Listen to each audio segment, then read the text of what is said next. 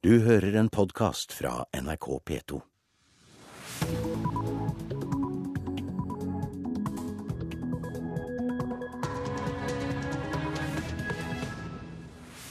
Velkommen til Nyhetsmorgen. Klokka er 6.30. Programleder i dag Anne Jetlund Hansen, og dette er hovedsakene våre den neste halvtimen. Senterpartiet har elendig oppslutning i partilederens eget hjemfylke. I dag starter partiet sitt landsmøte. Strømprisene gjør et kraftig hopp flere steder i Norge i morgen. Og Norges største kinoselskap er blitt dansk. Helt utilgivelig, mener en av Norges mest kjente filmregissører, Erik Poppe.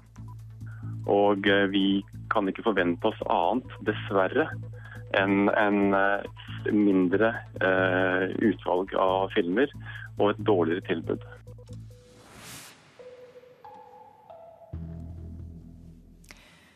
Senterpartiet får en kraftig smell i partileder Liv Signe Navarsetes eget hjemfylke. I dag åpner landsmøtet i Loen, men midt i Senterpartibastionen Sogn og Fjordane vender velgerne partiet ryggen. Det viser en meningsmåling gjort for NRK og Bergens Tidende. Spente Senterpartifolk sjekker inn på hotell Alexandra i vakre Loen, der landsmøtet starter i dag. Får nesten klump i halsen, så fint er det.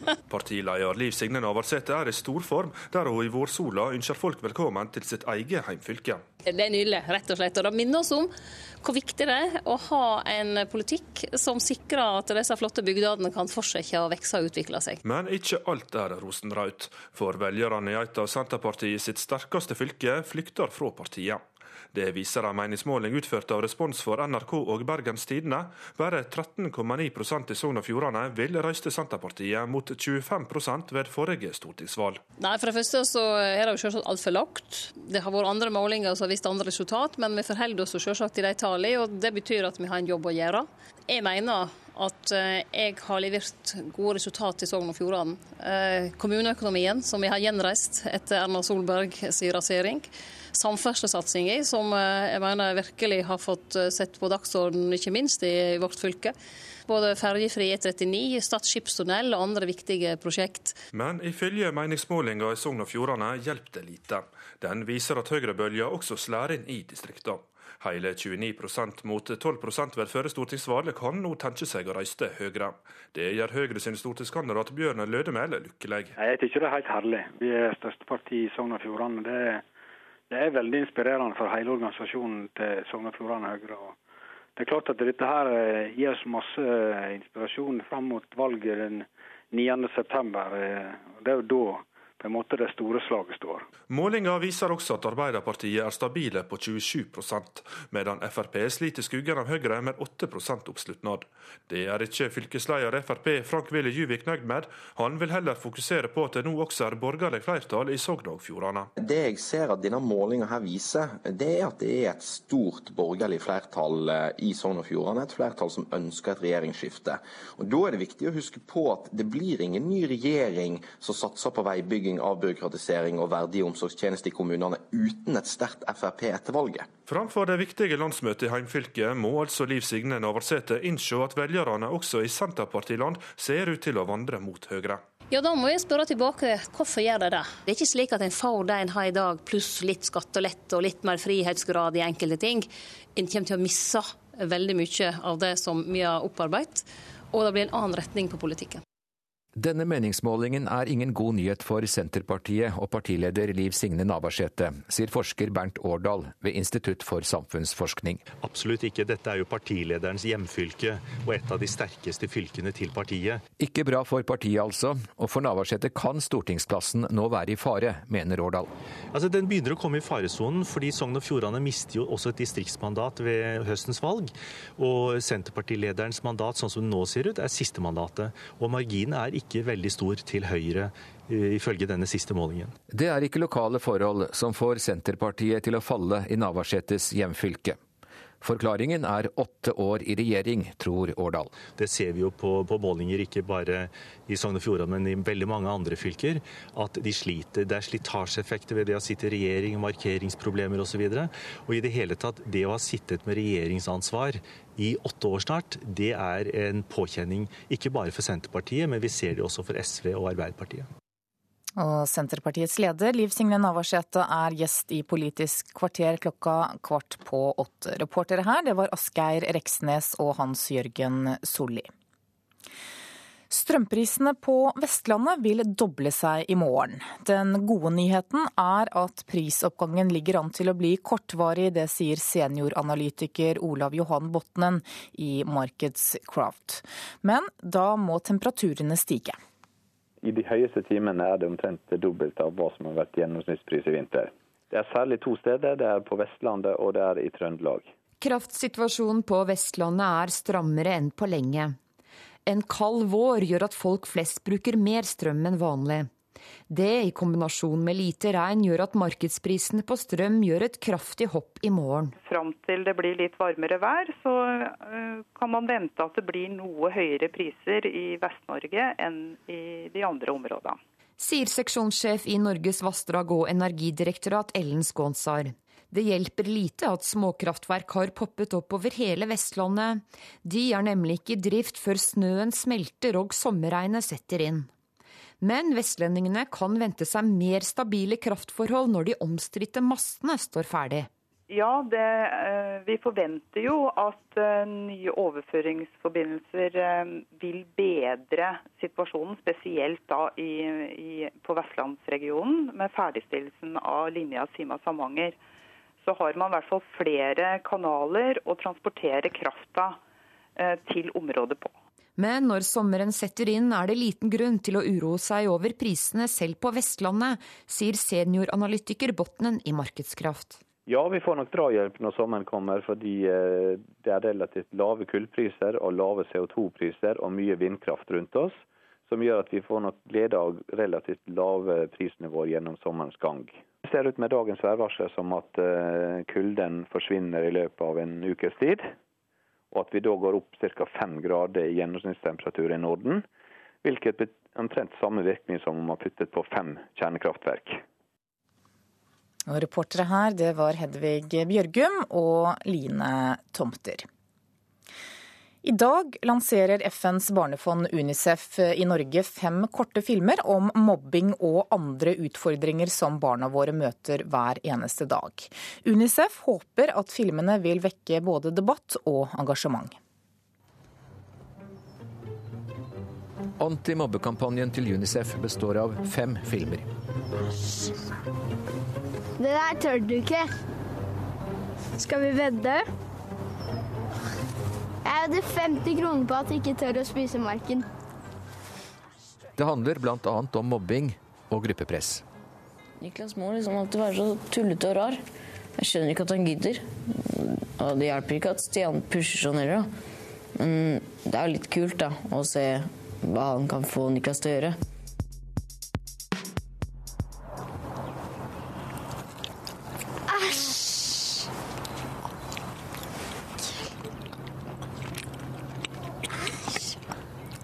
Det er jo så kult å kødde.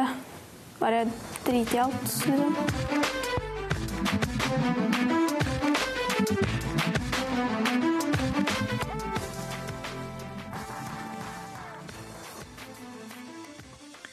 Reporter her, det var Hans eh, Jørgen Solli. Skuespiller Lars Christian Rørholt Vigerust, eh, velkommen til Nyhetsmorgen. Tusen takk. Du spiller i et par av disse filmene. Kjenner du deg igjen? Ja, det gjør jeg. På hvilken måte? Jeg kjenner igjen eh, stemmen min, og at eh, Ja. Men kjenner du deg igjen i, eh, i de problemene som filmene tar opp om mobbing, f.eks.? Ja, i noen av de. Hva da, f.eks.? Nei, det er hvor man skal spise den marken, og så blir de pushet av andre. Og så til slutt så får de 50 kroner for å spise en mark. Har du, eh, går det an å si noe om, eh, om du har vært med på å mobbe selv noen gang? Eh, nei, det har jeg ikke. Nei. Hvem er det som mobber, da? Hvem er de? Det er de som regel de tøffeste gutta og de tøffeste jentene. Som eh, føler de har litt kontroll over alle andre, da. Hvem er de som blir mobbet, da? Det er kanskje de som ikke er så veldig likt og ligger litt lavere, da. Ellen Sandø, du er fagansvarlig for barn og unge i Unicef. Hvordan kan disse filmene motvirke mobbing? Vi har, eh, når vi lagde de filmene, snakket med barn på forhånd. Eh, og fått høre fra dem hvilke situasjoner de opplever som utfordrende i sine hverdager.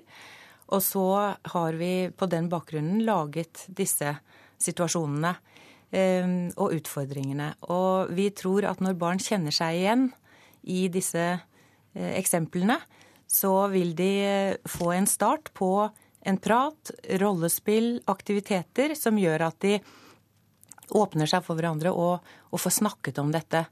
Og eh, vi er opptatt av å sette fokus på situasjoner som ikke nødvendigvis er så alvorlige som mobbing, men som kan føre til mobbing, kanskje, og at eh, disse filmene kan virke forebyggende. For vi i Unicef Norge er opptatt av at hver og en av oss, både barn og voksne, eh, har mulighet til å utgjøre en positiv forskjell i de miljøene vi er en del av og bruker mye tid på å bevisstgjøre rundt dette. Så disse filmene er ett tiltak eh, med hensyn til den målsettingen. Vi hørte jo eksempel her på denne marken som blir spist. Men når dere snakker med barn og unge, hvilke, hvilke andre situasjoner er det de forteller dere om? Ja, Det er situasjoner rundt SMS, eh, bruk og ikke minst misbruk av SMS. Det er dette å bli utsatt for press fra andre til å gjøre ting du kanskje egentlig ikke har lyst til selv.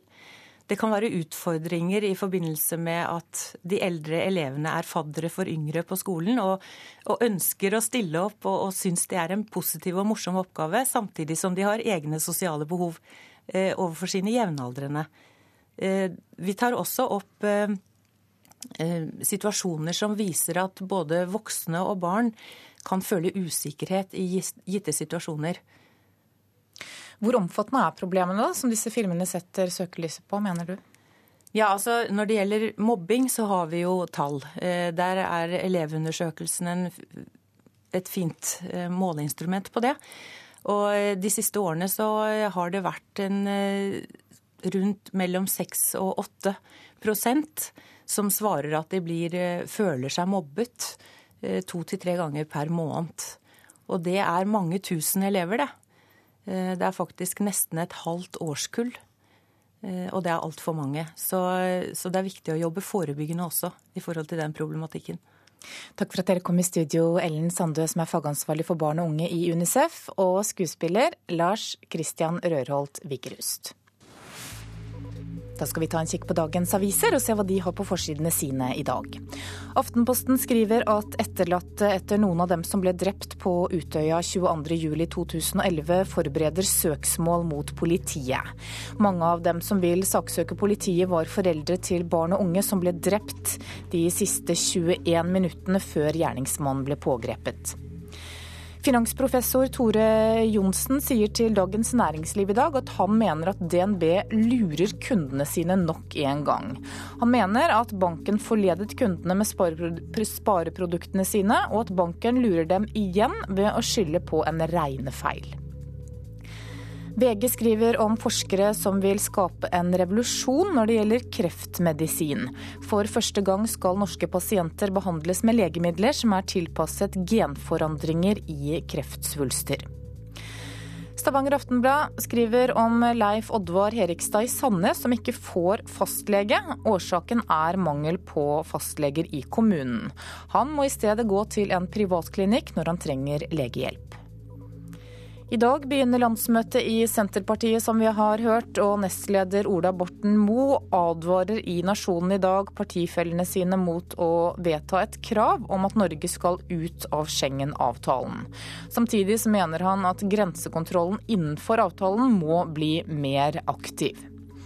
Partifelle Per Olaf Lundteigen langer ut mot eh, SV, kronprinsesse Mette-Marit og eget parti i Vårt Land. Han mener det er tull at forskjellene i Norge er blitt mindre. Vi frykter friskmelding, det er overskriften på Dagsavisens forside. Samfunnet bruker enorme ressurser på å undersøke friske folk, og noen er ikke fornøyde før de får en resept i hånda, ifølge Hans Flåta i Norsk Radiografforbund. Klassekampen skriver at regjeringen drukner helsevesenet med detaljstyring. I år setter Helsedepartementet ny rekord i antall mål som Helse-Norge skal styres etter.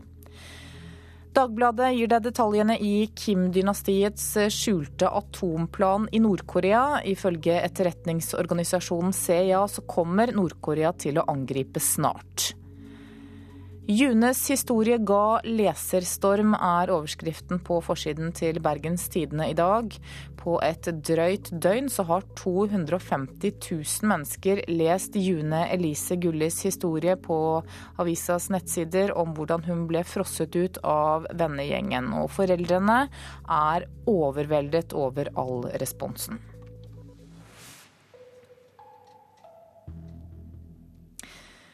Skal vi ha sport her i Nyhetsmorgen. Stavanger Oilers slo kraftig tilbake mot Vålerenga i den andre NM-finalen i ishockey i Stavanger.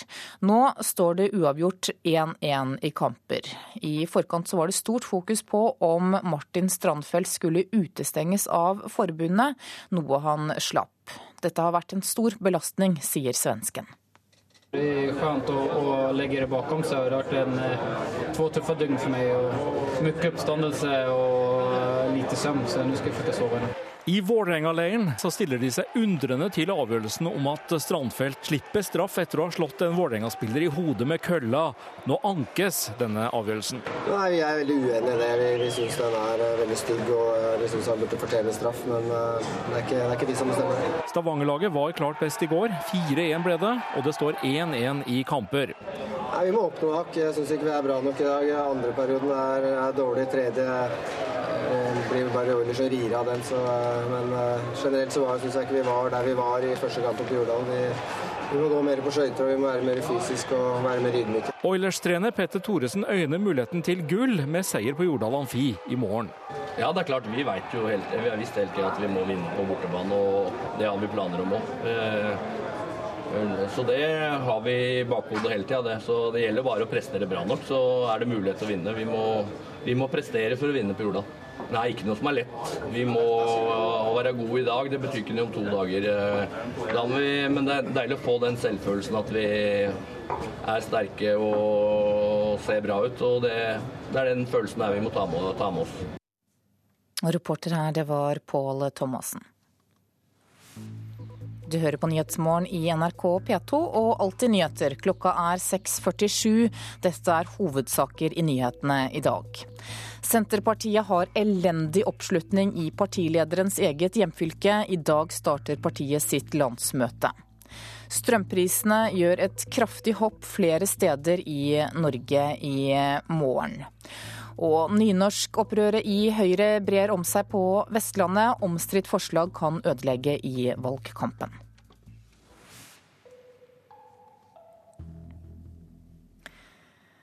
Søket etter de tre savnede scooterkjørerne i Tromdalen på Senja i Troms starter trolig opp igjen i dag. Det er nå ti dager siden ulykken skjedde, og ordfører Guttorm Nergård i Berg er lettet over at søket blir gjenopptatt, men tror at leteaksjonen kan bli tøff for de pårørende. Det er en lettelse hos dem, men også en, en Man gruer seg litt for, for Det er jo alltid sånn Eh, men jeg håper jo at eh, de klarer det godt. Vi skal nå i alle fall være eh, så godt forberedt som mulig for å, bistå med hjelp, og, nesten hva det måtte være. Det har vært noen strie dager i Berg. Et lyspunkt nå er derfor at veiene ser ut til å bli holdt åpne framover. I går ettermiddag ble et stort ras utløst for å gjøre veien mellom Mefjordbotn og Senjahopen trygg. Først og fremst så betyr det at vi kan ha fokus på det som, som møter oss nå under en leteaksjon. Vi, vi, vi, slipper å bry oss om forsyninger, om frakting av folk frem og tilbake. Vi har rent fokus, og det blir sikkert bra. Reporter var Linda Pedersen.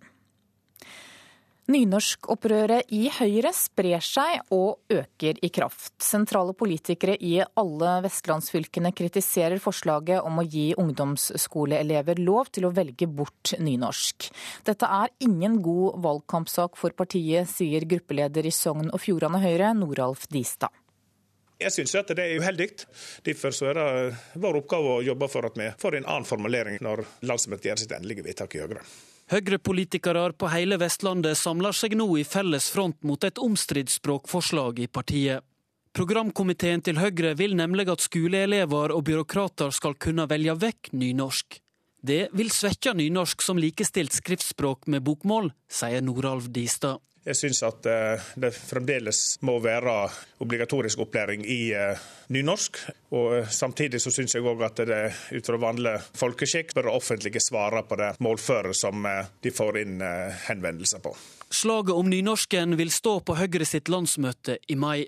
Der vil fylkeslaget fra Sogn og Fjordane få støtte fra mange partifeller både i Rogaland, Hordaland og Møre og Romsdal. Peder Sjo Slettebø er fylkestingsrepresentant i Hordaland og tidligere sentralstyremedlem i Unge Høyre. Slettebø mener nynorskforslaget vil ødelegge for partiet i valgkampen. Det er verdt å merke seg at når Høyre er på den størrelsen som vi er nå, altså med over 30% på meningsmålingene, så er det både nå og historisk fordi at det såkalte bunadshøyre har hatt høy oppslutning. Og Bunadshøyre har jo sin base mye på Vestlandet. og Derfor så er den type nynorskpolitikk som programkomiteen nå legger opp til, veldig dårlig timet med tanke på hvor stor oppslutning Høyre har på Vestlandet. I Ivar Aasen og Arne Garborg sine heimfylker Møre og Romsdal og Rogaland blir det òg murra på grasrota. Nestleder i Møre og Romsdal Høyre, Monica Molvær, liker dårlig at nynorsk kan bli valgfritt som sidemål på ungdomsskolen. Jeg er opptatt av at elever skal kunne beherske begge målformene og kunne dem på en god måte, slik at man, når man møter det ute i arbeidslivet senere, så skal man både kunne lese det og forstå det og bruke det dersom man har behov for det. Bent Høie har ledet programkomiteen i Høyre. Han lar seg ikke skremme av at Vestlands Høyre reiser bust. Nei, jeg eh, mener at den eh, språkpolitikken som er ført til nå, har bevist at den ikke fungerer. At det òg er behov for nye ideer og bedre løsninger Reporter var Noralf Pedersen. I går ble Norges største kinokjede, Oslo kino, solgt til danske Nordisk Film for over 600 millioner kroner. Dermed er snart 90 år med kommunalt eide kinoer i Oslo over. Ja, vi vi får se. De prøver å bli enige om hva de skal se på kino. Jeg er ikke så flink med filmer. Ja, det er det elsker filmer. Hajira og Bashir Khalif står og ser på kinoprogrammet hos Saga kino i Oslo. I går ble det kjent at Oslo kommune har solgt Norges største kinoselskap, Oslo kino, til danske Egmont Nordisk Film. Dermed er snart 90 år med kommunalt eie over. Jeg er litt sjokkert, faktisk. Det er trist. Det synes også flere norske filmregissører NRK har snakket med. En av dem er Erik Poppe, som snart er klar med en ny film med Hollywood-stjernen Juliette Binoche i hovedrollen. Det en, kommer til å være en merkedag for eh, kinoen i Norge og for publikum over hele landet at Oslo kino er solgt. At den nå har blitt det, er først og fremst utilgivelig.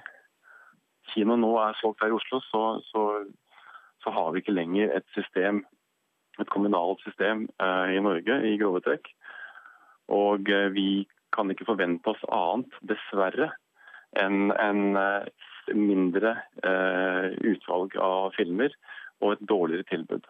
Oslo kino eier til sammen 15 kinoer og har kinodrift i åtte andre kommuner spredt utover landet. Egmont er et av Nordens største mediekonserner, og i Norge eier de bl.a. TV 2 og halvparten av forlaget Cappelen Dam.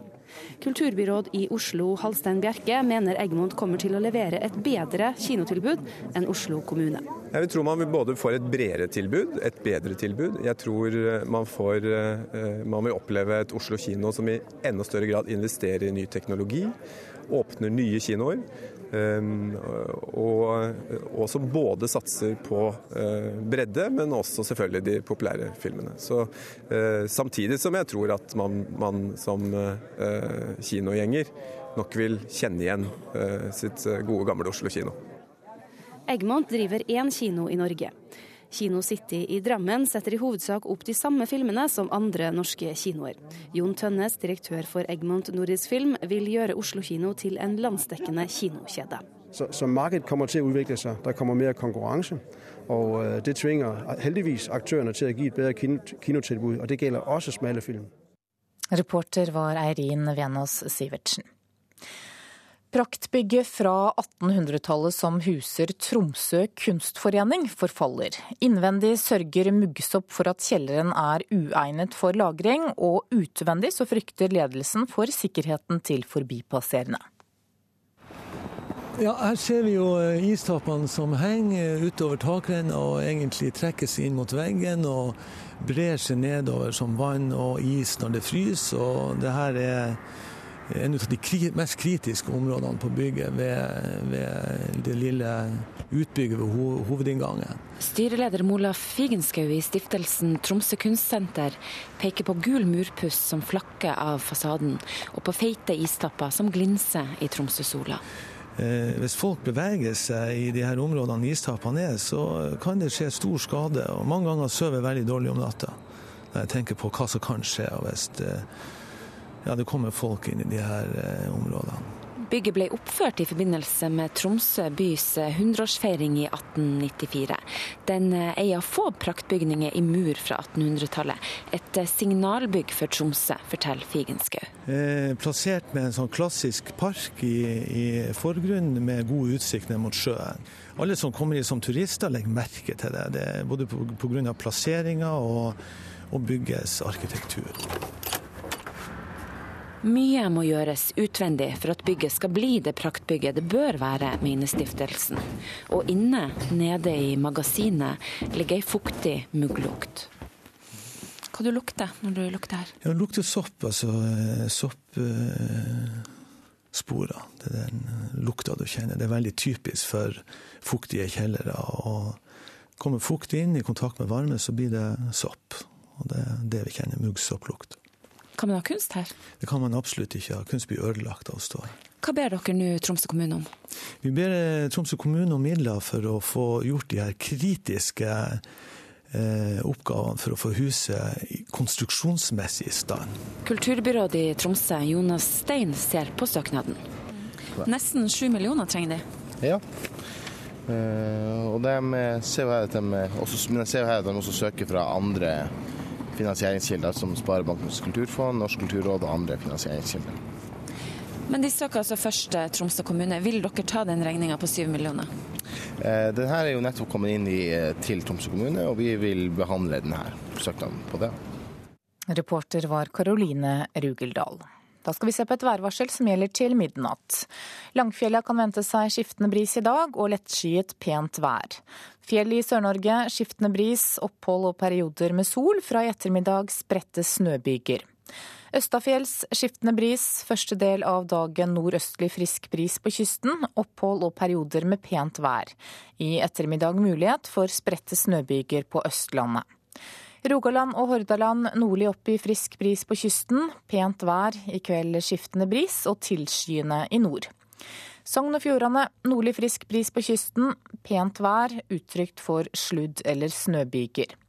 Møre og Romsdal stort sett pent vær, i kveld økning til sørvestlig liten kuling på kysten. Enkelte sludd- eller snøbyger.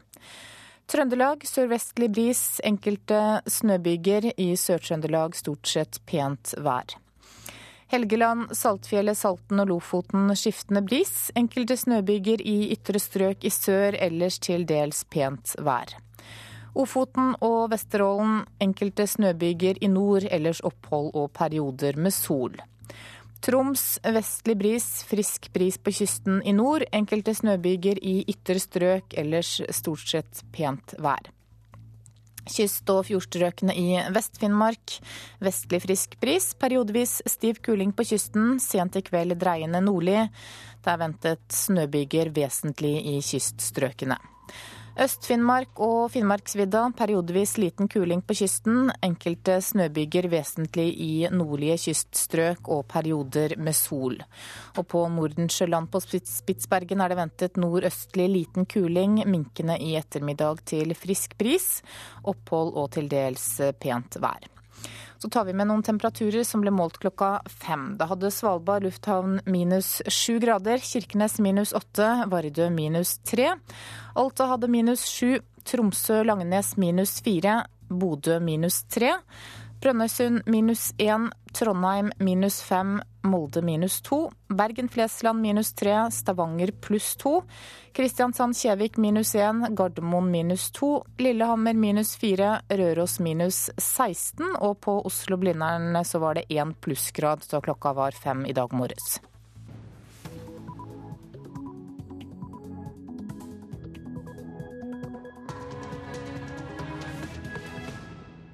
Klokka er sju. Du lytter til Nyhetsmorgen med Anne Gjertlund Hansen i studio. Her er en nyhetsoppdatering.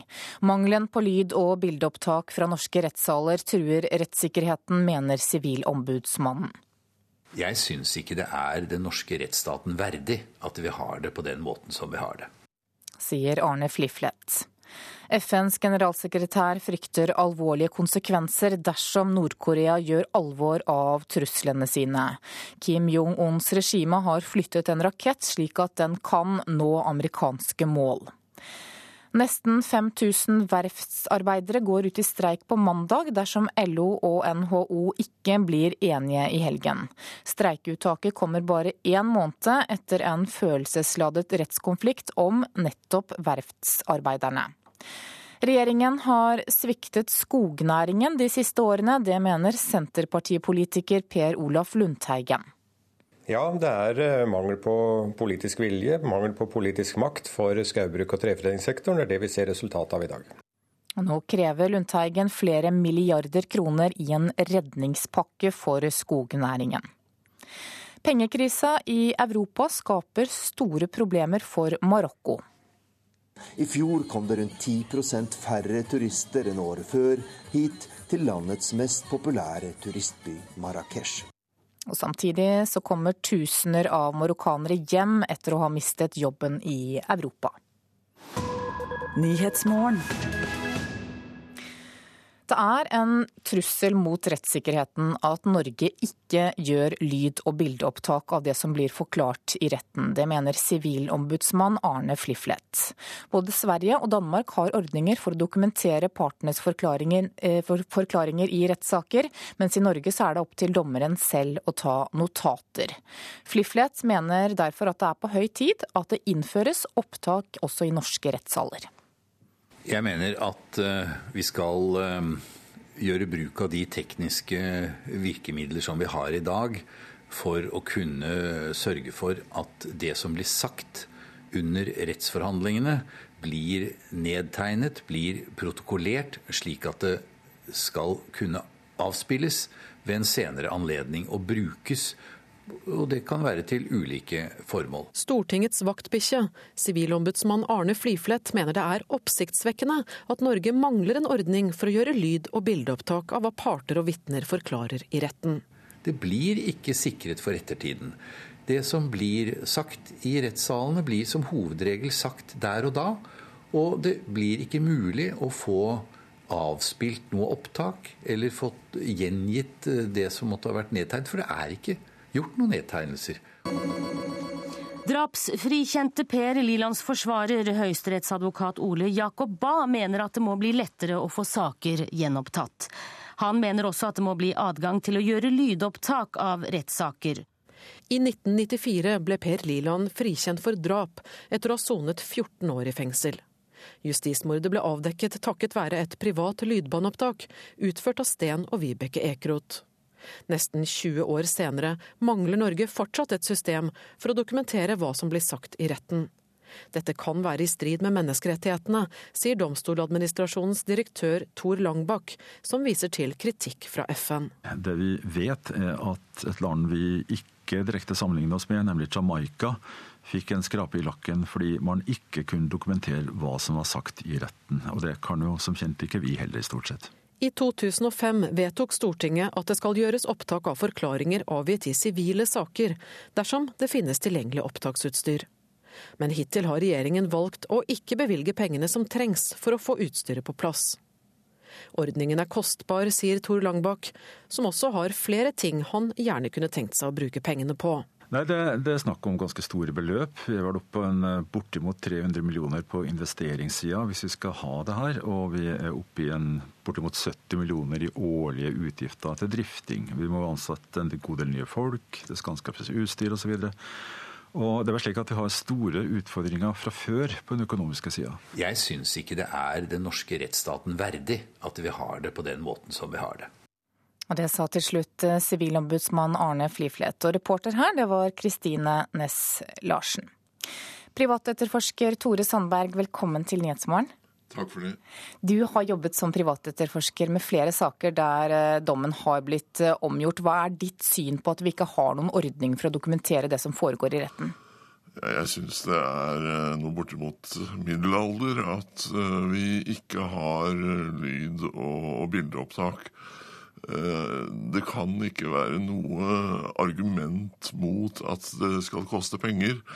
Det kan ikke være sånn at Eh, vi risikerer alvorlige justismord rett og slett fordi vi ikke vet hva som er blitt sagt i norske rettssaler. Eh, I, I, vårt årtusen nå så, så vi, må vi ha utstyr til å, å sikre dette. Det vises til Liland-saken i denne reportasjen, en sak som du har eh, vært engasjert i og jobbet med. Har du andre eksempler på hvordan lyd- eller bildeopptak kan ha bidratt til å avdekke eller forhindre justismord? Ja, vi opplevde det jo faktisk på kroppen i eh, det kanskje alvorligste justismordet vi har hatt, eh, Fritz Moen. Da vi begjærte Fritz Moen-drapene gjenopptatt i år 2000, så var vi i rettsmøte i Tromsø i 2001. Fritz forklarte seg da for retten. Og ettersom han var praktisk talt døv, så måtte dette jo tolkes av tegnspråktolker. Eh, de tolket da Fritz dit hen at eh, han hadde tilstått drap igjen under behandlingen av sin egen gjenopptakelsesbegjæring. Eh, dagen etter kom tegnspråktolkene i retten og ba om å få komme med en redegjørelse. De hadde sittet og sett på opptakene. Der ble det nemlig gjort opptak. Og de fortalte retten at de hadde tolket feil. Det hadde jo blitt stående at Fritz igjen hadde tilstått drap hvis det ikke var gjort uh, opptak. Så uh, det er på ingen måte holdbart at vi ikke har lyd- og bildeopptak. Men dersom pengene kommer på bordet og ordningen innføres, hvor lenge mener du at eh, forklaringer skal lagres for ettertiden? Jeg kan ikke se noen grunn til at det ikke skal uh, lagres i, i overskuelig tid. Eh, og så hadde Fritz Moen under eh, iretteføringen den gangen, på 70-tallet og tidlig 80-tall Hadde det vært lyd- og bildeopptak da, så kunne vi jo ha eh, sittet og gått gjennom det. Og med all sannsynlighet avslørt justismordet lenge tidligere. Men Mener du at det bør innføres i alle saker, eller er det i helt spesielle eller spesielt alvorlige saker? Jeg kan ikke se noen grunn til at vi ikke skal ha det generelt. Uh, det kan ikke være noe lagringsproblem her i, i, i våre dager.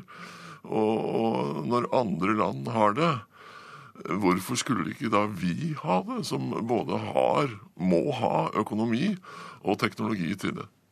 Hva med personvernet og det at vitner og parters forklaringer kan bli preget av eh, det at de vet at det gjøres opptak av det de sier?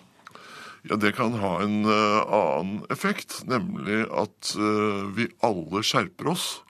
Uh, at det kanskje blir litt mindre løgn i retten enn en det vi har i, dag. Og, det må jo være en fordel for alle parter. I sum tror jeg kanskje ikke at dette faller ut til fordel for tiltalte. Eh, kanskje tvert imot. Men, men, det er jo helt i orden. Eh, hvis vi oppnår at eh, sannheten blir, kommer bedre frem, og ikke minst at hele prosessen blir dokumentert. Det, det, det holder ikke at vi i dag ikke vet hva som er blitt sagt i norske rettssaler. Takk for at du kom til Nyhetsmorgen, privatetterforsker Tore Sandberg. Da skal vi til Nord-Korea. FNs generalsekretær Ban Ki-moon frykter alvorlige konsekvenser dersom Nord-Korea gjør alvor av truslene sine. Advarselen kom bare timer etter at nabolandet Sør-Korea advarte om at Kim Jong-uns regime hadde flyttet en rakett til østkysten. FNs generalsekretær ankom den spanske statsministerboligen i går. Men det har nærmest blitt en vanlig fortellelse at han må kommentere situasjonen på den koreanske halvøy fremfor selve besøkene sine. Så også denne gang. Nuclear threat is not the game. It's very serious Atomtrusler er ingen lek, det er alvorlig. Nord-Korea har gått for langt i retorikken sin.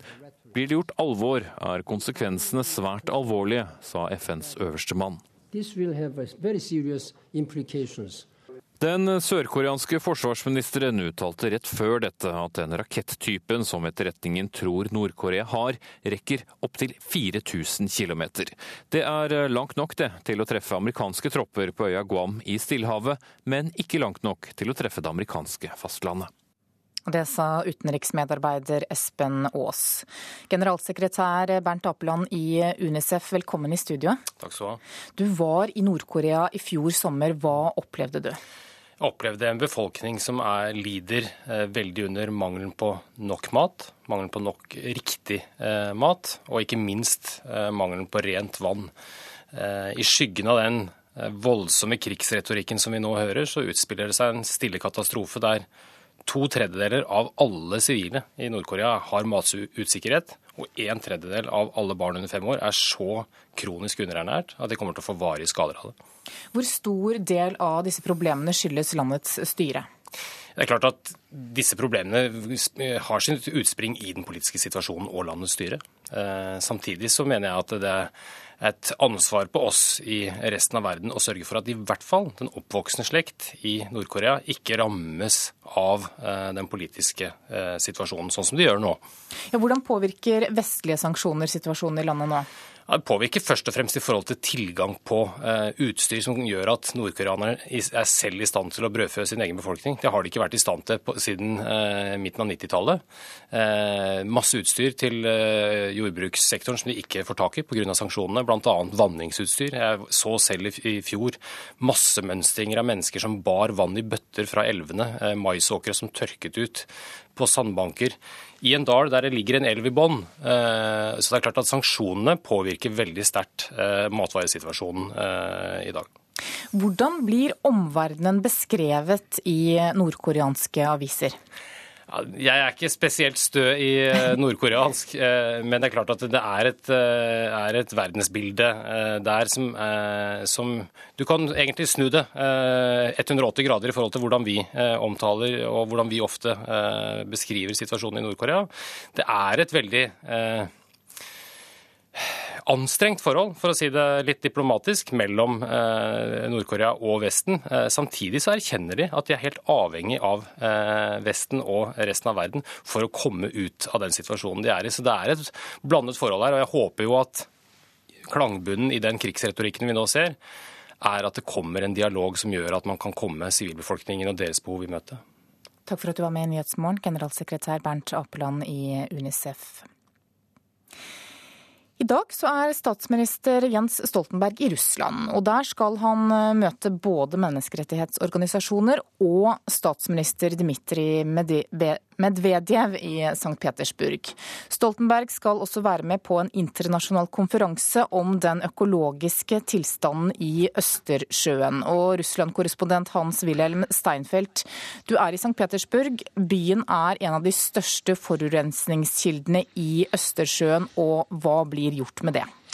Det er allerede gjort veldig mye, og det har vært en enorm europeisk dugnad, ikke minst fra Norge, Tyskland, Nederland, Storbritannia.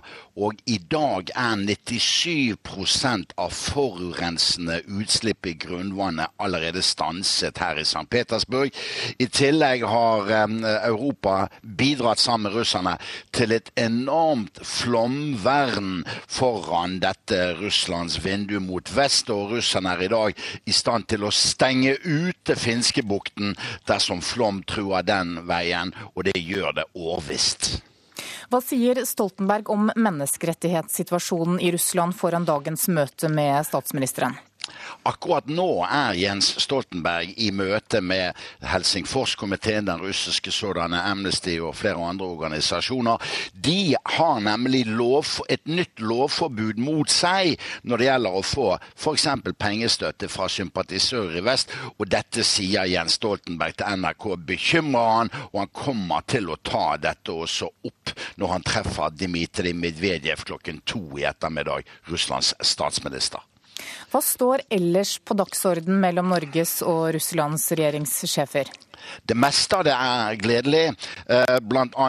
at Norge og Russland eh, etter 40 års fellesforvaltning av bioressursene i Barentshavet nå har fått gjenreist den norsk-arktiske torskestammen, og i år vil det bli en torskekvote på 1 million tonn torsk. Det er meget bra. I tillegg skal nordområdene opp, og Jens Stoltenberg har invitert Dmitrij Medvedev til Kirkenes i juni.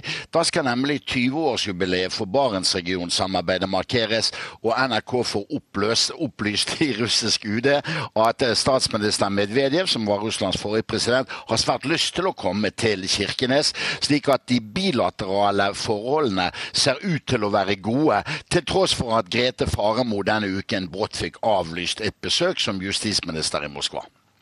Takk skal du ha, Russland-korrespondent Hans-Wilhelm Steinfeld, som altså er i St. Petersburg. Klokka er 7.16. Du hører på Nyhetsmorgen i NRK P2. Dette er hovedsaker i dag. Dokumentasjonen av det som blir sagt i norske rettssaler er middelaldersk, sier privatetterforsker Tore Sandberg. FNs generalsekretær frykter konsekvensene dersom Nord-Korea gjør alvor av truslene sine. Og Senterpartipolitiker Per Olaf Lundteigen krever flere milliarder kroner i redningspakke for skognæringen.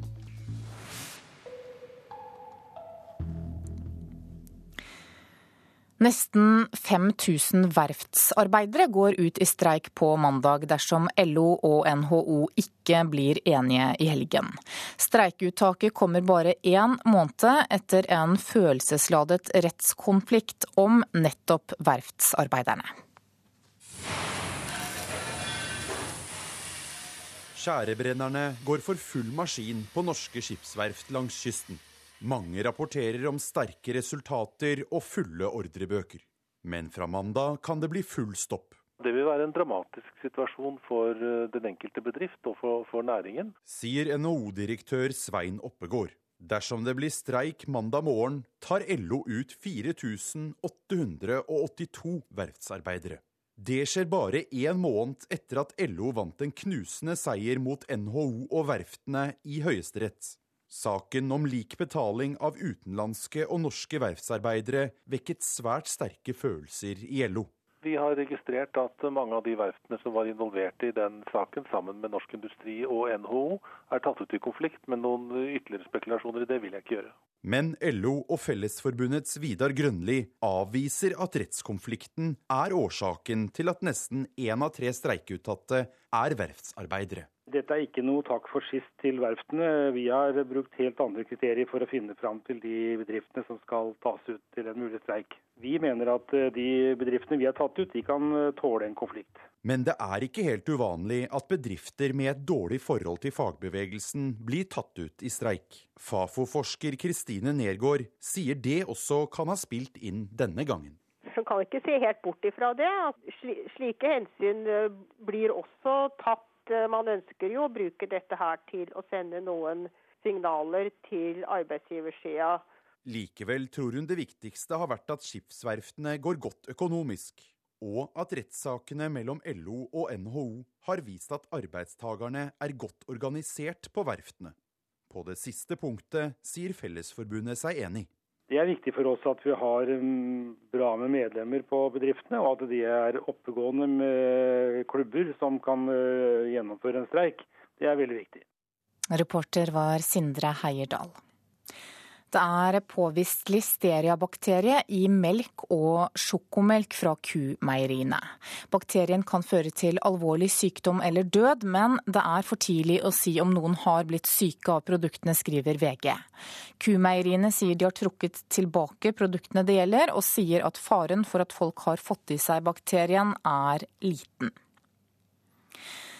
Senterpartiet og den rød-grønne regjeringen har sviktet skognæringen de siste åtte årene. Det mener Senterpartitopp Per Olaf Lundteigen, som krever flere milliarder kroner i en redningspakke for næringen.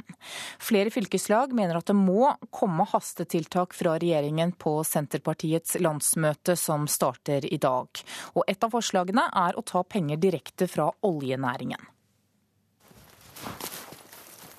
I skogen mellom trærne. Som fisken har de vært her mye lenger enn oljeplattformene. Men pengene vokser ikke på trær. Det er ikke skogbruksnæringen som spirer. Den sliter, mens Norge gror igjen. Ja, egentlig så bekymrer det meg. Og det, først så legger man ned den ene industrien etter den andre. Og etterpå så skjønner man at det var kanskje litt dumt. Nå må vi begynne å tenke nytt for å få opp igjen industri. Skogeier Marianne Wimmer vet hva hun ønsker seg. Og at vi har mer mulighet til å søke midler for å sette i gang prosjekter og, og få hjulene til å gå. Jeg tenker litt f.eks. noe sånt som eh, bioenergi. Nå sender vi flisa vår til Sverige for å varme opp svenskene. Eh, kanskje litt støtteordninger for å få i gang bioenergiprosjekter i området vårt også. Per Olaf Lundteigen i Senterpartiet sier han vet hvem som har ansvaret for at den grønne naturressursen er glemt. Jeg er ikke stolt av at eh, treforedling og skaubruk nå er i krise. Men hvem er det da som har sviktet? Det er både næringa sjøl og det politiske Norge. Ja, det er eh, mangel på politisk vilje, mangel på politisk makt for skaubruk- og treforedlingssektoren. Det er det vi ser resultatet av i dag. Ja, vi er kommet i skyggen. Gudbrand Kvål er administrerende direktør i Skogeierforbundet. Han erkjenner at næringen ikke omstilte seg i tide, men nå trenger han hjelp. Papirfabrikker er ikke lenger løsningen. Revolusjonen handler om biomasse. Trærne må foredles til cellulose, som kan brukes til så mangt. F.eks. fiskefôr. Det ser vi i dag er mulig å bryte ned som mat. Og det kan brukes til enklere transport av gass fra Nordsjøen til markedene i Europa. Senterpartistene har forslag til løsning til debatt på helgens landsmøte. Omstillingsmilliarder, staten inn på eiersiden, og et annet forslag som går ut på å ta penger fra oljenæringen. At vi bruker CO2-avgift, som i dag blir pålagt olje- og gassektoren, og at de midlene, noe av det, går da til å stimulere skogbruket, skaubruket, sånn at du gjør det lønnsomt. Kvål tviler på at dette vil være lovlig. Statssubsidier til en eksportrettet næring er han skeptisk til. Og før vi kan omfavne et slikt forslag, så må vi vite at dette ikke er i strid med internasjonale handelsavtaler. Selv skogeieren forstår at omstillingen burde kommet tidligere. Vi er vel litt sånn Sånn har vi gjort i alle år. Vi har hoggtømmere, og det er slipstokk, og det er så mange skurstokker. Og så har vi solgt det til den som vil betale. Reportere her var Lars Nehru Sand og Torunn Myhre. Og leder i Senterpartiet, Liv Signe Navarsete, er gjest i Politisk kvarter klokka 7.45. Da skal vi ta en kikk på dagens aviser og se hva de har på forsidene sine i dag. Aftenposten skriver at etterlatte etter noen av dem som ble drept på Utøya 22.07.2011 forbereder søksmål mot politiet. Mange av dem var foreldre til barn og unge som ble drept de siste 21 minuttene før gjerningsmannen ble pågrepet. Finansprofessor Tore Johnsen sier til Dagens Næringsliv at han mener DNB lurer kundene sine nok en gang. Han mener at banken forledet kundene med spareproduktene sine, og at banken lurer dem igjen ved å skylde på en regnefeil. VG skriver om forskere som vil skape en revolusjon når det gjelder kreftmedisin. For første gang så skal norske pasienter behandles med legemidler som er tilpasset genforandringer i kreftsvulster. Stavanger Aftenblad forteller om Leif Oddvar Herikstad i Sandnes som ikke får fastlege. Årsaken er mangel på fastleger i kommunen, og han må i stedet gå til en privatklinikk når han trenger legehjelp. I dag begynner som kjent landsmøtet i Senterpartiet, som vi har hørt. Og nestleder Ola Borten Moe advarer i Nasjonen i dag partifellene sine mot å vedta et krav om at Norge skal ut av Schengen-avtalen. Samtidig så mener han at grensekontrollen innenfor avtalen må bli mer aktiv. Partifelle Per Olaf Lundteigen langer ut mot SV, kronprinsesse Mette-Marit og eget parti i Vårt Land. Han mener det er tull at forskjellene i Norge er blitt mindre. Vi frykter friskmelding, er overskriften på Dagsavisens forside. Samfunnet bruker enorme ressurser på å undersøke friske folk, og noen er ikke fornøyde før de får en resept i hånda, ifølge Hans Flåta i Norsk Radiografforbund. Klassekampen skriver at regjeringen drukner helsevesenet med detaljstyring. I år setter Helsedepartementet ny rekord i antall mål Helse-Norge skal styres etter. Dagbladet gir deg detaljene i Kim-dynastiets skjulte atomplan i Nord-Korea. Ifølge etterretningsorganisasjonen CIA så kommer Nord-Korea til å angripe snart. Junes historie ga leserstorm, er overskriften på forsiden til Bergens Tidende i dag.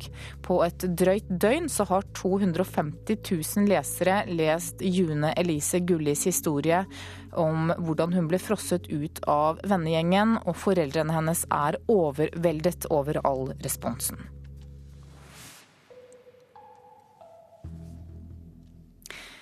Nå skal vi til Marokko, der den europeiske krisen skaper store problemer. Europeiske turister uteblir, samtidig som tusener av marokkanere reiser hjem etter å ha mistet jobben i Europa. Arnt Stefansen har sendt oss denne reportasjen fra Marokkos viktigste turistby, Marrakech.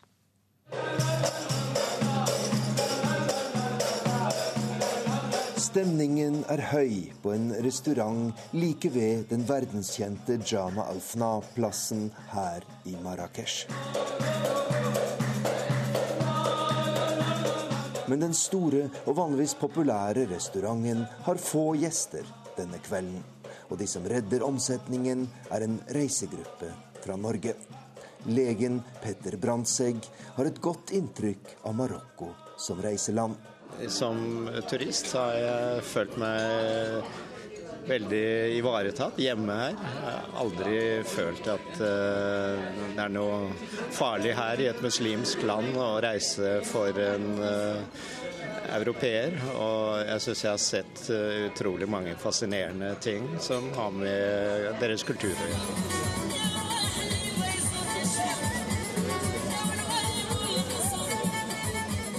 Men selv om Marokko har mye å tilby en reisende, så har det de siste årene vært en klar nedgang i turismen. I fjor kom det rundt 10% færre turister enn året før hit til landets mest populære turistby, Marrakech. Og tallenes tale er klar. Det er kriserammede spanjoler som først og fremst svikter, med en nedgang på hele 25 den erfarne turistguiden Nora Al-Kashimi merker godt at oppdragene er blitt færre. Now it's quiet. It's very quiet. Uh, Det er svært stille nå. Vi ser at den internasjonale krisa påvirker turismen. Det er helt klart færre turister enn for tre år siden her i Marrakech, som er turistmål nummer én for utlendinger, i første rekke franskmenn, men også spanjoler, amerikanere, tyskere og andre. Nå er det jo egentlig høysesong for turismen her, men det er få som kommer. Og de som tar turen hit til Marrakech, oppholder seg kortere tid her enn det som var vanlig tidligere, sier Nora al-Kashimi. Det kalles til bønn fra moskeene ved Jama Alfna-plassen. Og mange setter sin lit til det høye i dagens situasjon. For turistbransjen er ikke den eneste som sliter pga. krisa i EU-landene. De siste årene har hundretusener av marokkanske gjestearbeidere mistet jobben i Spania, Italia og andre EU-land, og den siste tiden er tusener av dem kommet tilbake til hjemlandet etter å ha gitt opp håpet om bedre tider i Europa. Det var reporter Arnt Stefansen som hadde vært i Marokko. Du hører på Nyhetsmorgen i NRK P2. Den neste halvtimen får du nå først Dagsnytt 7.30 ved Turi Grønbekk. Etter det så skal vi til valgkampen i Venezuela, der Hugo Chávez spiller hovedrollen selv etter sin død. Og i Politisk kvarter så er Senterpartileder Liv Signe Navarsete gjest i forkant av landsmøtet. Produsent for sendingen i dag er Eli Bjelland, og her i studio Anne Jetlund Hansen.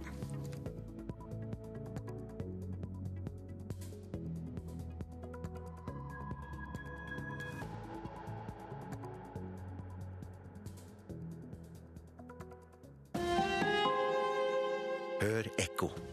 Noen er villig til å gi alt, til og med sitt eget ansikt, for å hjelpe andre. Kunne du tenke deg å gi bort ditt eget hjerte når du dør? Og ditt barns organer, om det utenkelige skulle skje? Spørsmålene bør du diskutere og besvare nå, før en ulykke skjer. Ekko 9 11 i NRK P2.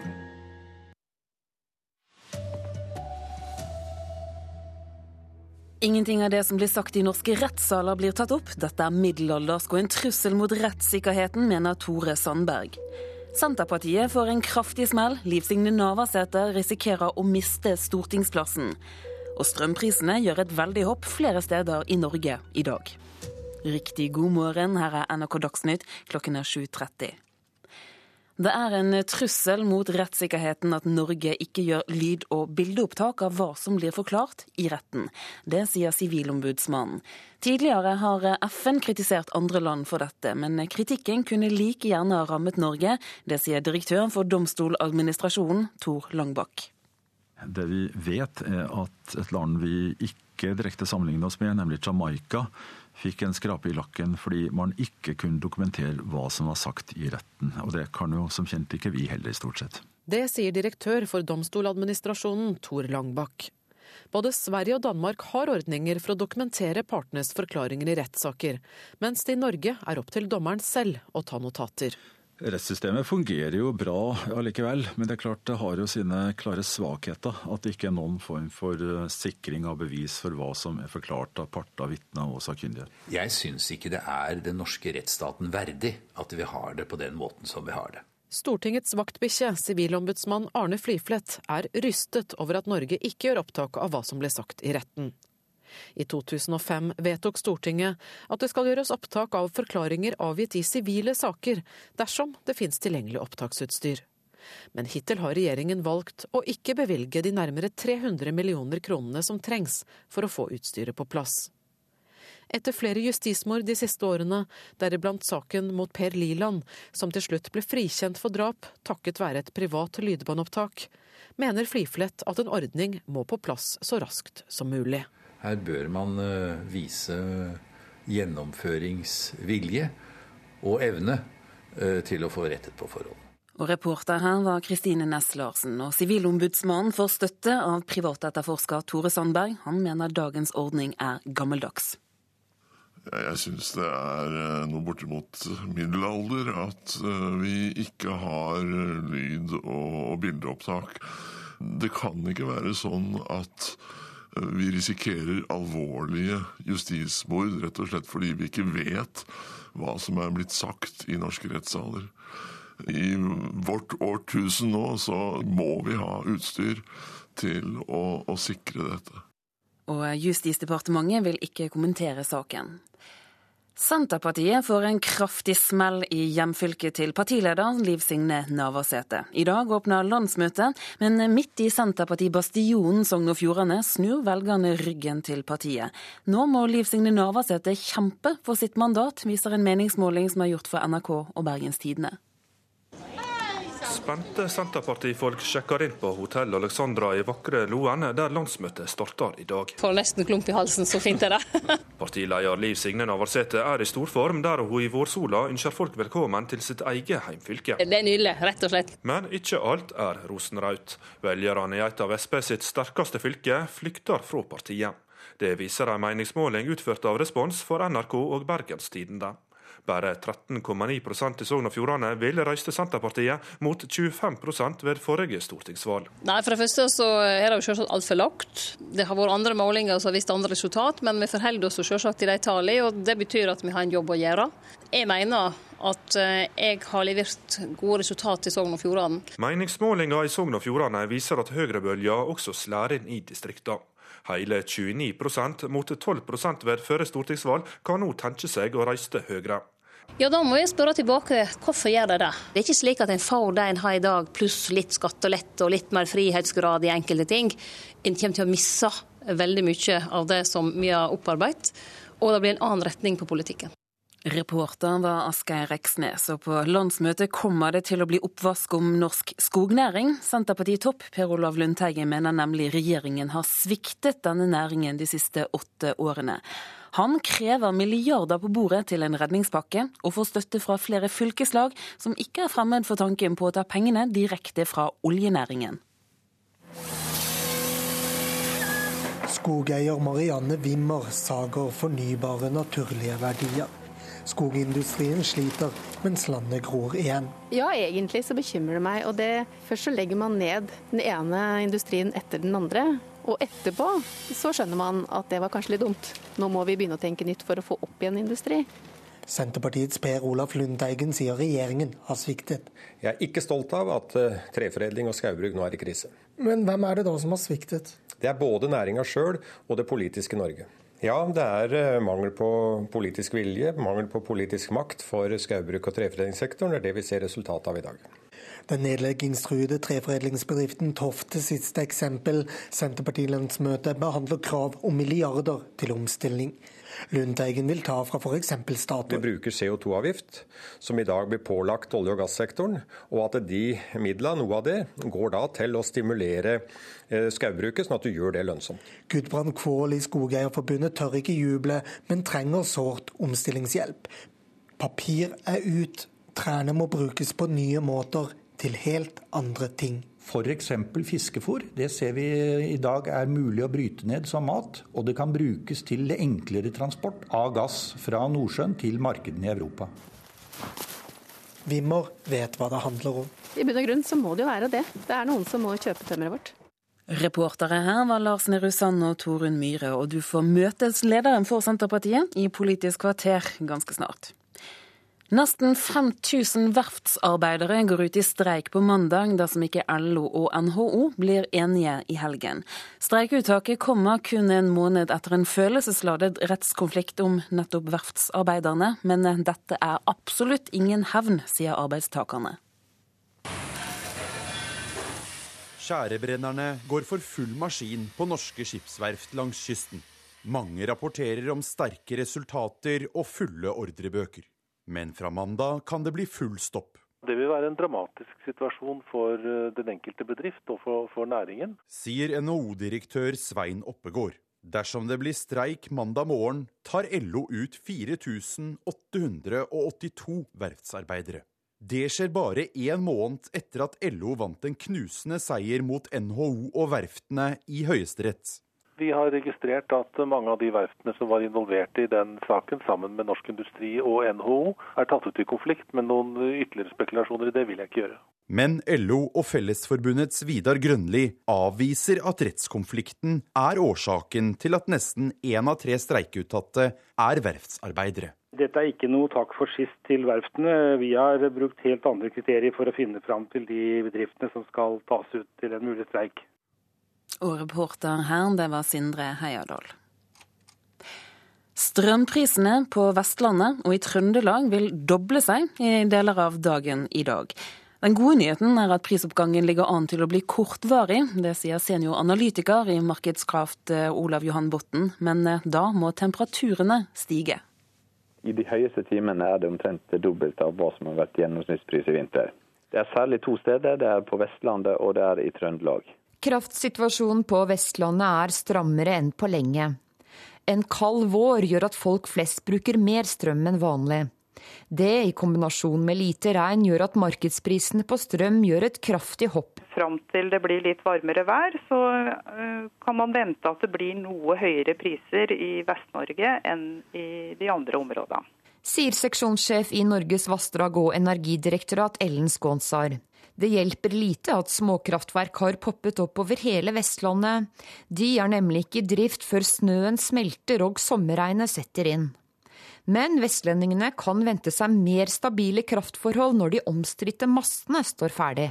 Ja, det, eh, vi forventer jo at eh, nye overføringsforbindelser eh, vil bedre situasjonen, spesielt da i, i, på vestlandsregionen, med ferdigstillelsen av linja Sima-Samanger. Men når sommeren setter inn, er det liten grunn til å uroe seg over prisene selv på Vestlandet, sier senioranalytiker Botnen i Markedskraft. Ja, vi får nok drahjelp når sommeren kommer, fordi eh, det er relativt lave kullpriser og lave CO2-priser og mye vindkraft rundt oss, som gjør at vi får nok glede av relativt lave prisnivåer gjennom sommerens gang. Reportere her Hedvig Bjørgum og Line Tomter. Det er påvist listeriabakterie i melk og sjokomelk fra kumeieriene. Denne bakterien kan føre til alvorlig sykdom eller død, men det er for tidlig å si om noen har blitt syke av produktene. Det skriver VG. Og produktene det gjelder er trukket fra markedet. Ansvarlig for denne sendingen var Erlend Rønneberg, teknisk ansvarlig Beate Haugtrø, og her i studio Turi Grønbekk.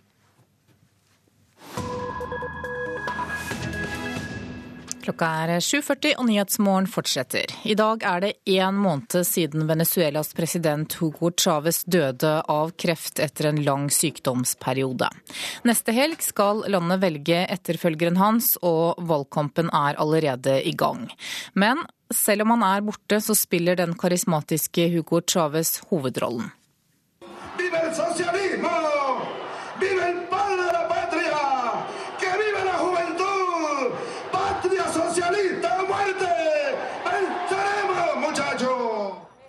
Han var en fargerik folketaler og en karismatisk president, sier hans tilhengere, som vil hedre hans minne ved å gjenvelge Chávez i form av hans håndplukkede kronprins, fungerende president Nicolas Maduro, som sier han føler sitt forbildes nærvær. Y las bendiciones del comandante Hugo Chávez para esta batalla que hoy empieza. A la victoria del 14 de abril.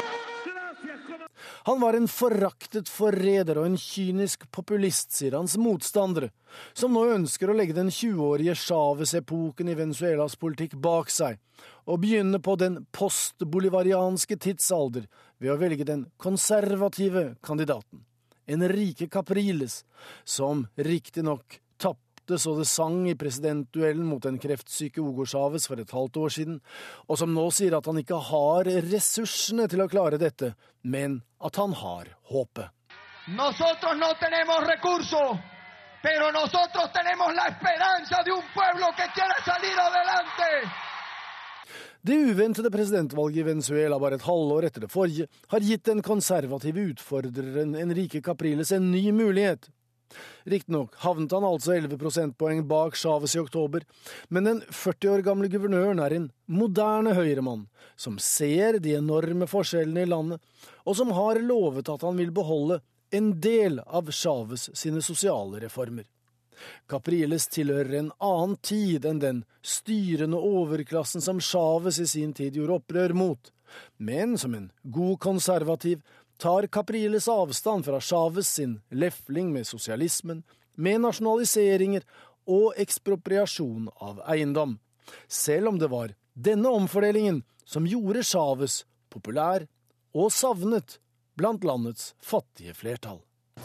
No tengo como sentir la tristeza de su partida, pero gracias a Dios que se fuiste feliz porque nos dejaste un gran ejemplo a nuestro país. Visepresident Nicolas Maduro, som har fungert som president siden Chávez død, rir på en nostalgibølge inn i valgkampen. Han har en enorm fordel i sympatien for den avdøde, og omtrent samme forsprang på meningsmålingene som de 11 prosentpoengene som skilte Chávez og Capriles ved valget i fjor. I tillegg så utnytter Maduro sin posisjon som fungerende stats- og regjeringssjef i valgkampen. At valgkampen nå skyldes et dødsfall, har ikke forhindret at skittkastingen har vært omtrent som om Chávez fremdeles var til stede. Det dreier seg ikke om sak, men om personlige egenskaper og ikke minst angivelige svakheter og påstått uegnethet ved motstanderen. De to kandidatene Capriles og Maduro reiser nå rundt i landet, som er snaut tre ganger større enn Norge, med om lag 30 millioner innbyggere, og snakker nedsettende om hverandre. Og presidentvalget i Venezuela, det finner altså sted neste søndag. Det sa utenriksmedarbeider Joar Hoel Larsen. Dette er hovedsakene i eh, Nyhetsmorgen. Ingenting av det som blir sagt i norske rettssaler blir tatt opp. Det er middelaldersk og en trussel mot rettssikkerheten, mener privatetterforsker Tore Sandberg. Senterpartiet får en kraftig smell. Liv Signe Navarsete risikerer å miste stortingsplassen. Og strømprisene gjør et kraftig hopp flere steder i Norge i dag. I dag så åpner Senterpartiets eh, landsmøte, og da er selvfølgelig partilederen på plass hos deg i Politisk kvarter, programleder Per Arne Bjerke. Hun slåss mot dårlige meningsmålinger og for sin egen stortingsplass. Hvordan skal Liv Signe Navarsete snu utviklingen fem måneder før valget?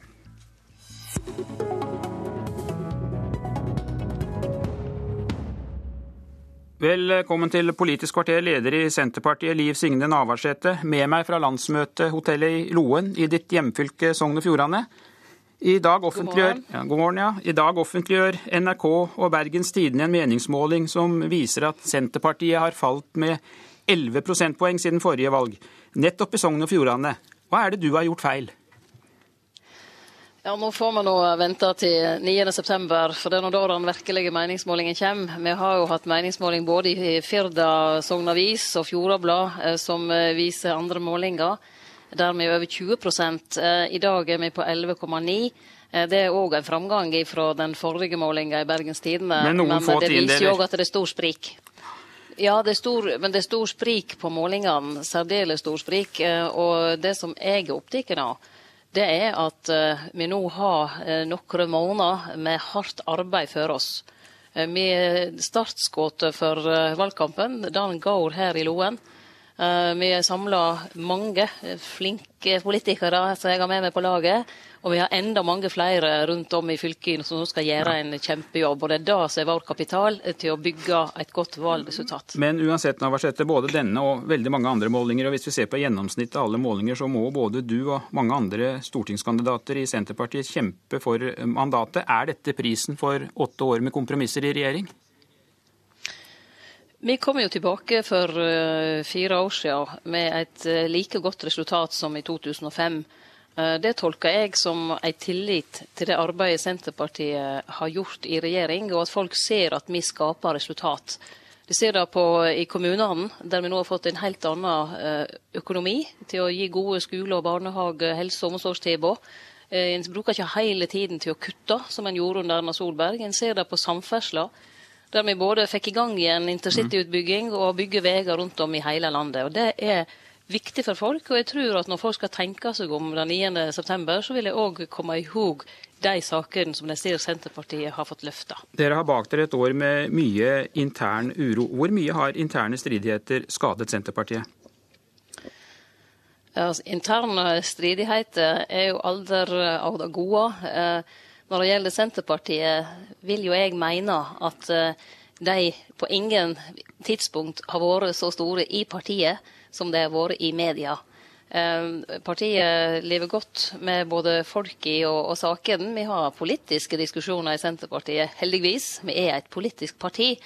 Eh, men vi fungerer godt som team, og det at vi er ulike, gjør at vi òg bør appellere til ulike grupper, og at vi får mer bredde ja. i politikken.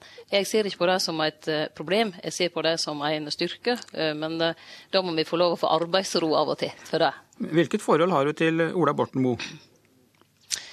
Jeg og Ola fungerer godt i lag, eh, på en helt annen måte enn det media framstiller det som. Eh, det er blitt et mantra at vi ikke snakker i lag. Det er feil. Eh, og det har vært mye feilaktig om vårt forhold de siste dagene, som jeg faktisk har funnet krenkende. Jeg opplever at det er satt fram påstander som ikke har rot i virkeligheten. Og det syns jeg faktisk at vedkommende som har sett fram de påstandene, burde gå ut og beklage. Vil du si at Borten Moe er blant dine gode venner? Ja, mine gode politiske venner. men ikke personlig? Gode, nei, men jeg har altså i politikken mange venner som jeg omgås i forhold til politiske møter og samlinger og annet godt arbeid. Og så har jeg eh, personlige venner. Uh, fleste av de utenfor politikken, men òg noen i politikken. Slik, slik, er det. Men jeg og Ole er gode venner og fungerer godt i lag på det politiske planet, men uten at vi reiser på ferie i lag. Men så sier du altså at uh, mye av denne interne uroen den er medieskapt. Men så hører vi da at stortingsrepresentant Kjersti Toppe sier at forholdet mellom deg og Borten Moe har vært lammende for partiet. Har hun misforstått, hun da? De som har fulgt Senterpartiet uh, den siste tiden, sier at vi har vært langt ifra lamslått. Og neste uke skal vi dømes legge fram en nasjonal transportplan. Uh, så der vi allerede har kommet med store nyhender, enten det gjelder ferjefri E39, Stad skipstunnel, bygging av intercity eller andre store, virkelig store tiltak. Vi ser det på mange andre saker som vi har fremma. Vi har ikke vært handlingslamma. Senterpartiet har jobba for fullt og det har vi jo tenkt å fortsette med, både fram til valget og etter valget. Hvis vi nå ser litt på de politiske sakene, Navarsete, så har dere de siste åtte årene styrt kjerneområder for partiet som landbruk, distriktspolitikk og samferdsel. Og så rømmer velgerne. Hva er det dere ikke har klart å få fram i budskapet deres?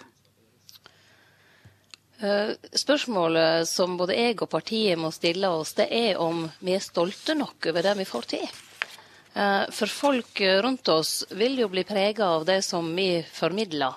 Eh, vi er hele veien opptatt av å skape resultat. Det er det som preger Senterpartiet. Vi er et jordnært, resultatbasert parti som er opptatt av hele tiden å finne nye løsninger.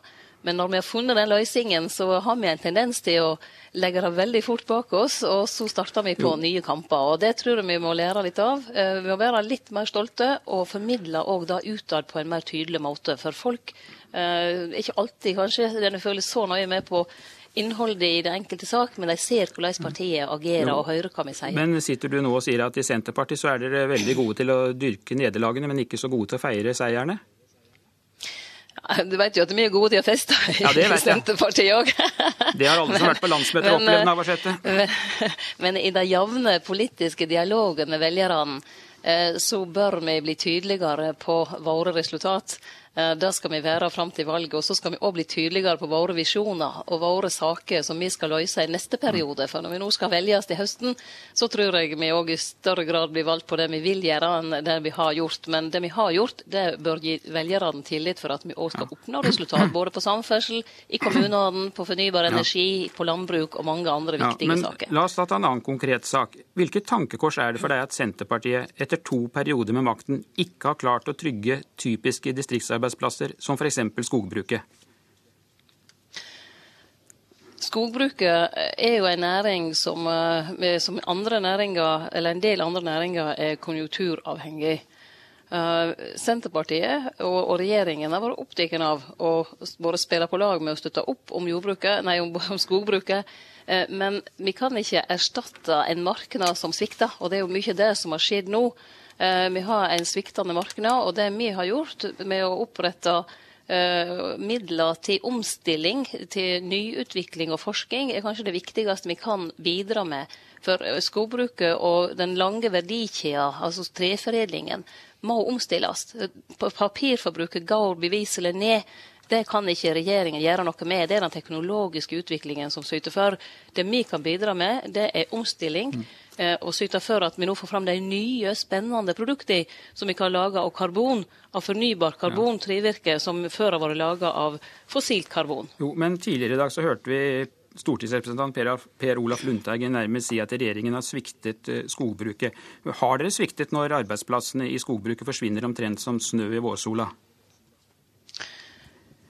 Jeg vil mene at eh, vi har både stilt opp eh, sammen med og for skogbruket, og det skal vi fortsette med. Og vi jobber òg eh, nå side om side med aktører i hele verdikjeda i skogbruket for å finne nye løsninger på en vanskelig situasjon.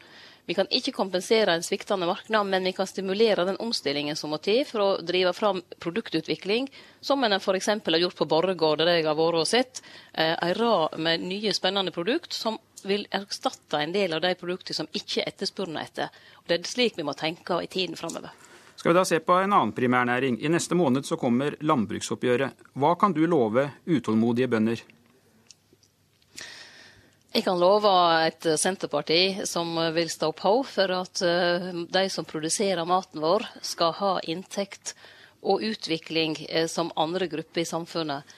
At vi skal få opp eh, inntekter til landbruket, det har vært en, en kampsak for Senterpartiet. Og vi ser jo at når Senterpartiet er i regjering, så er det helt andre oppgjør enn når Senterpartiet ikke er i regjering. Eh, landbruket vet at vi står på, men vi skal være tydelige i vår, vår, på at dette kanskje er det viktigste eh, jordbruksoppgjøret i denne ja, regjeringens historie. Men selv om dere sier at dette er en kampsak, så gikk altså bøndene i fjor i tog i Oslos gater. Hva sier dette om hvordan bøndene oppfatter dagens landbrukspolitikk?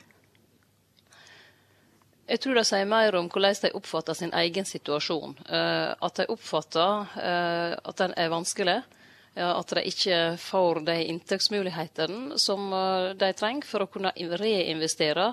Eh, gjøre de nyutviklende tiltakene som må til både for å rekruttere ungdom inn og for å videreutvikle landbruket slik vi kjenner det i dag. Landbruket har hatt en sterk produktivitetsutvikling, tre ganger det andre, andre næringer i Norge har hatt de siste ti. Uh, og Eh, det jeg er opptatt av hos Senterpartiet, er at de må få beholde mer av den gevinsten i næringen, slik at en kan eh, få utvikle, modernisere og investere for framtiden. Det blir viktig i, vår, i oppgjøret i vår. Hvor avgjørende er det for deg og for så vidt for valgresultatet også at bøndene ikke går i nye protesttog denne våren?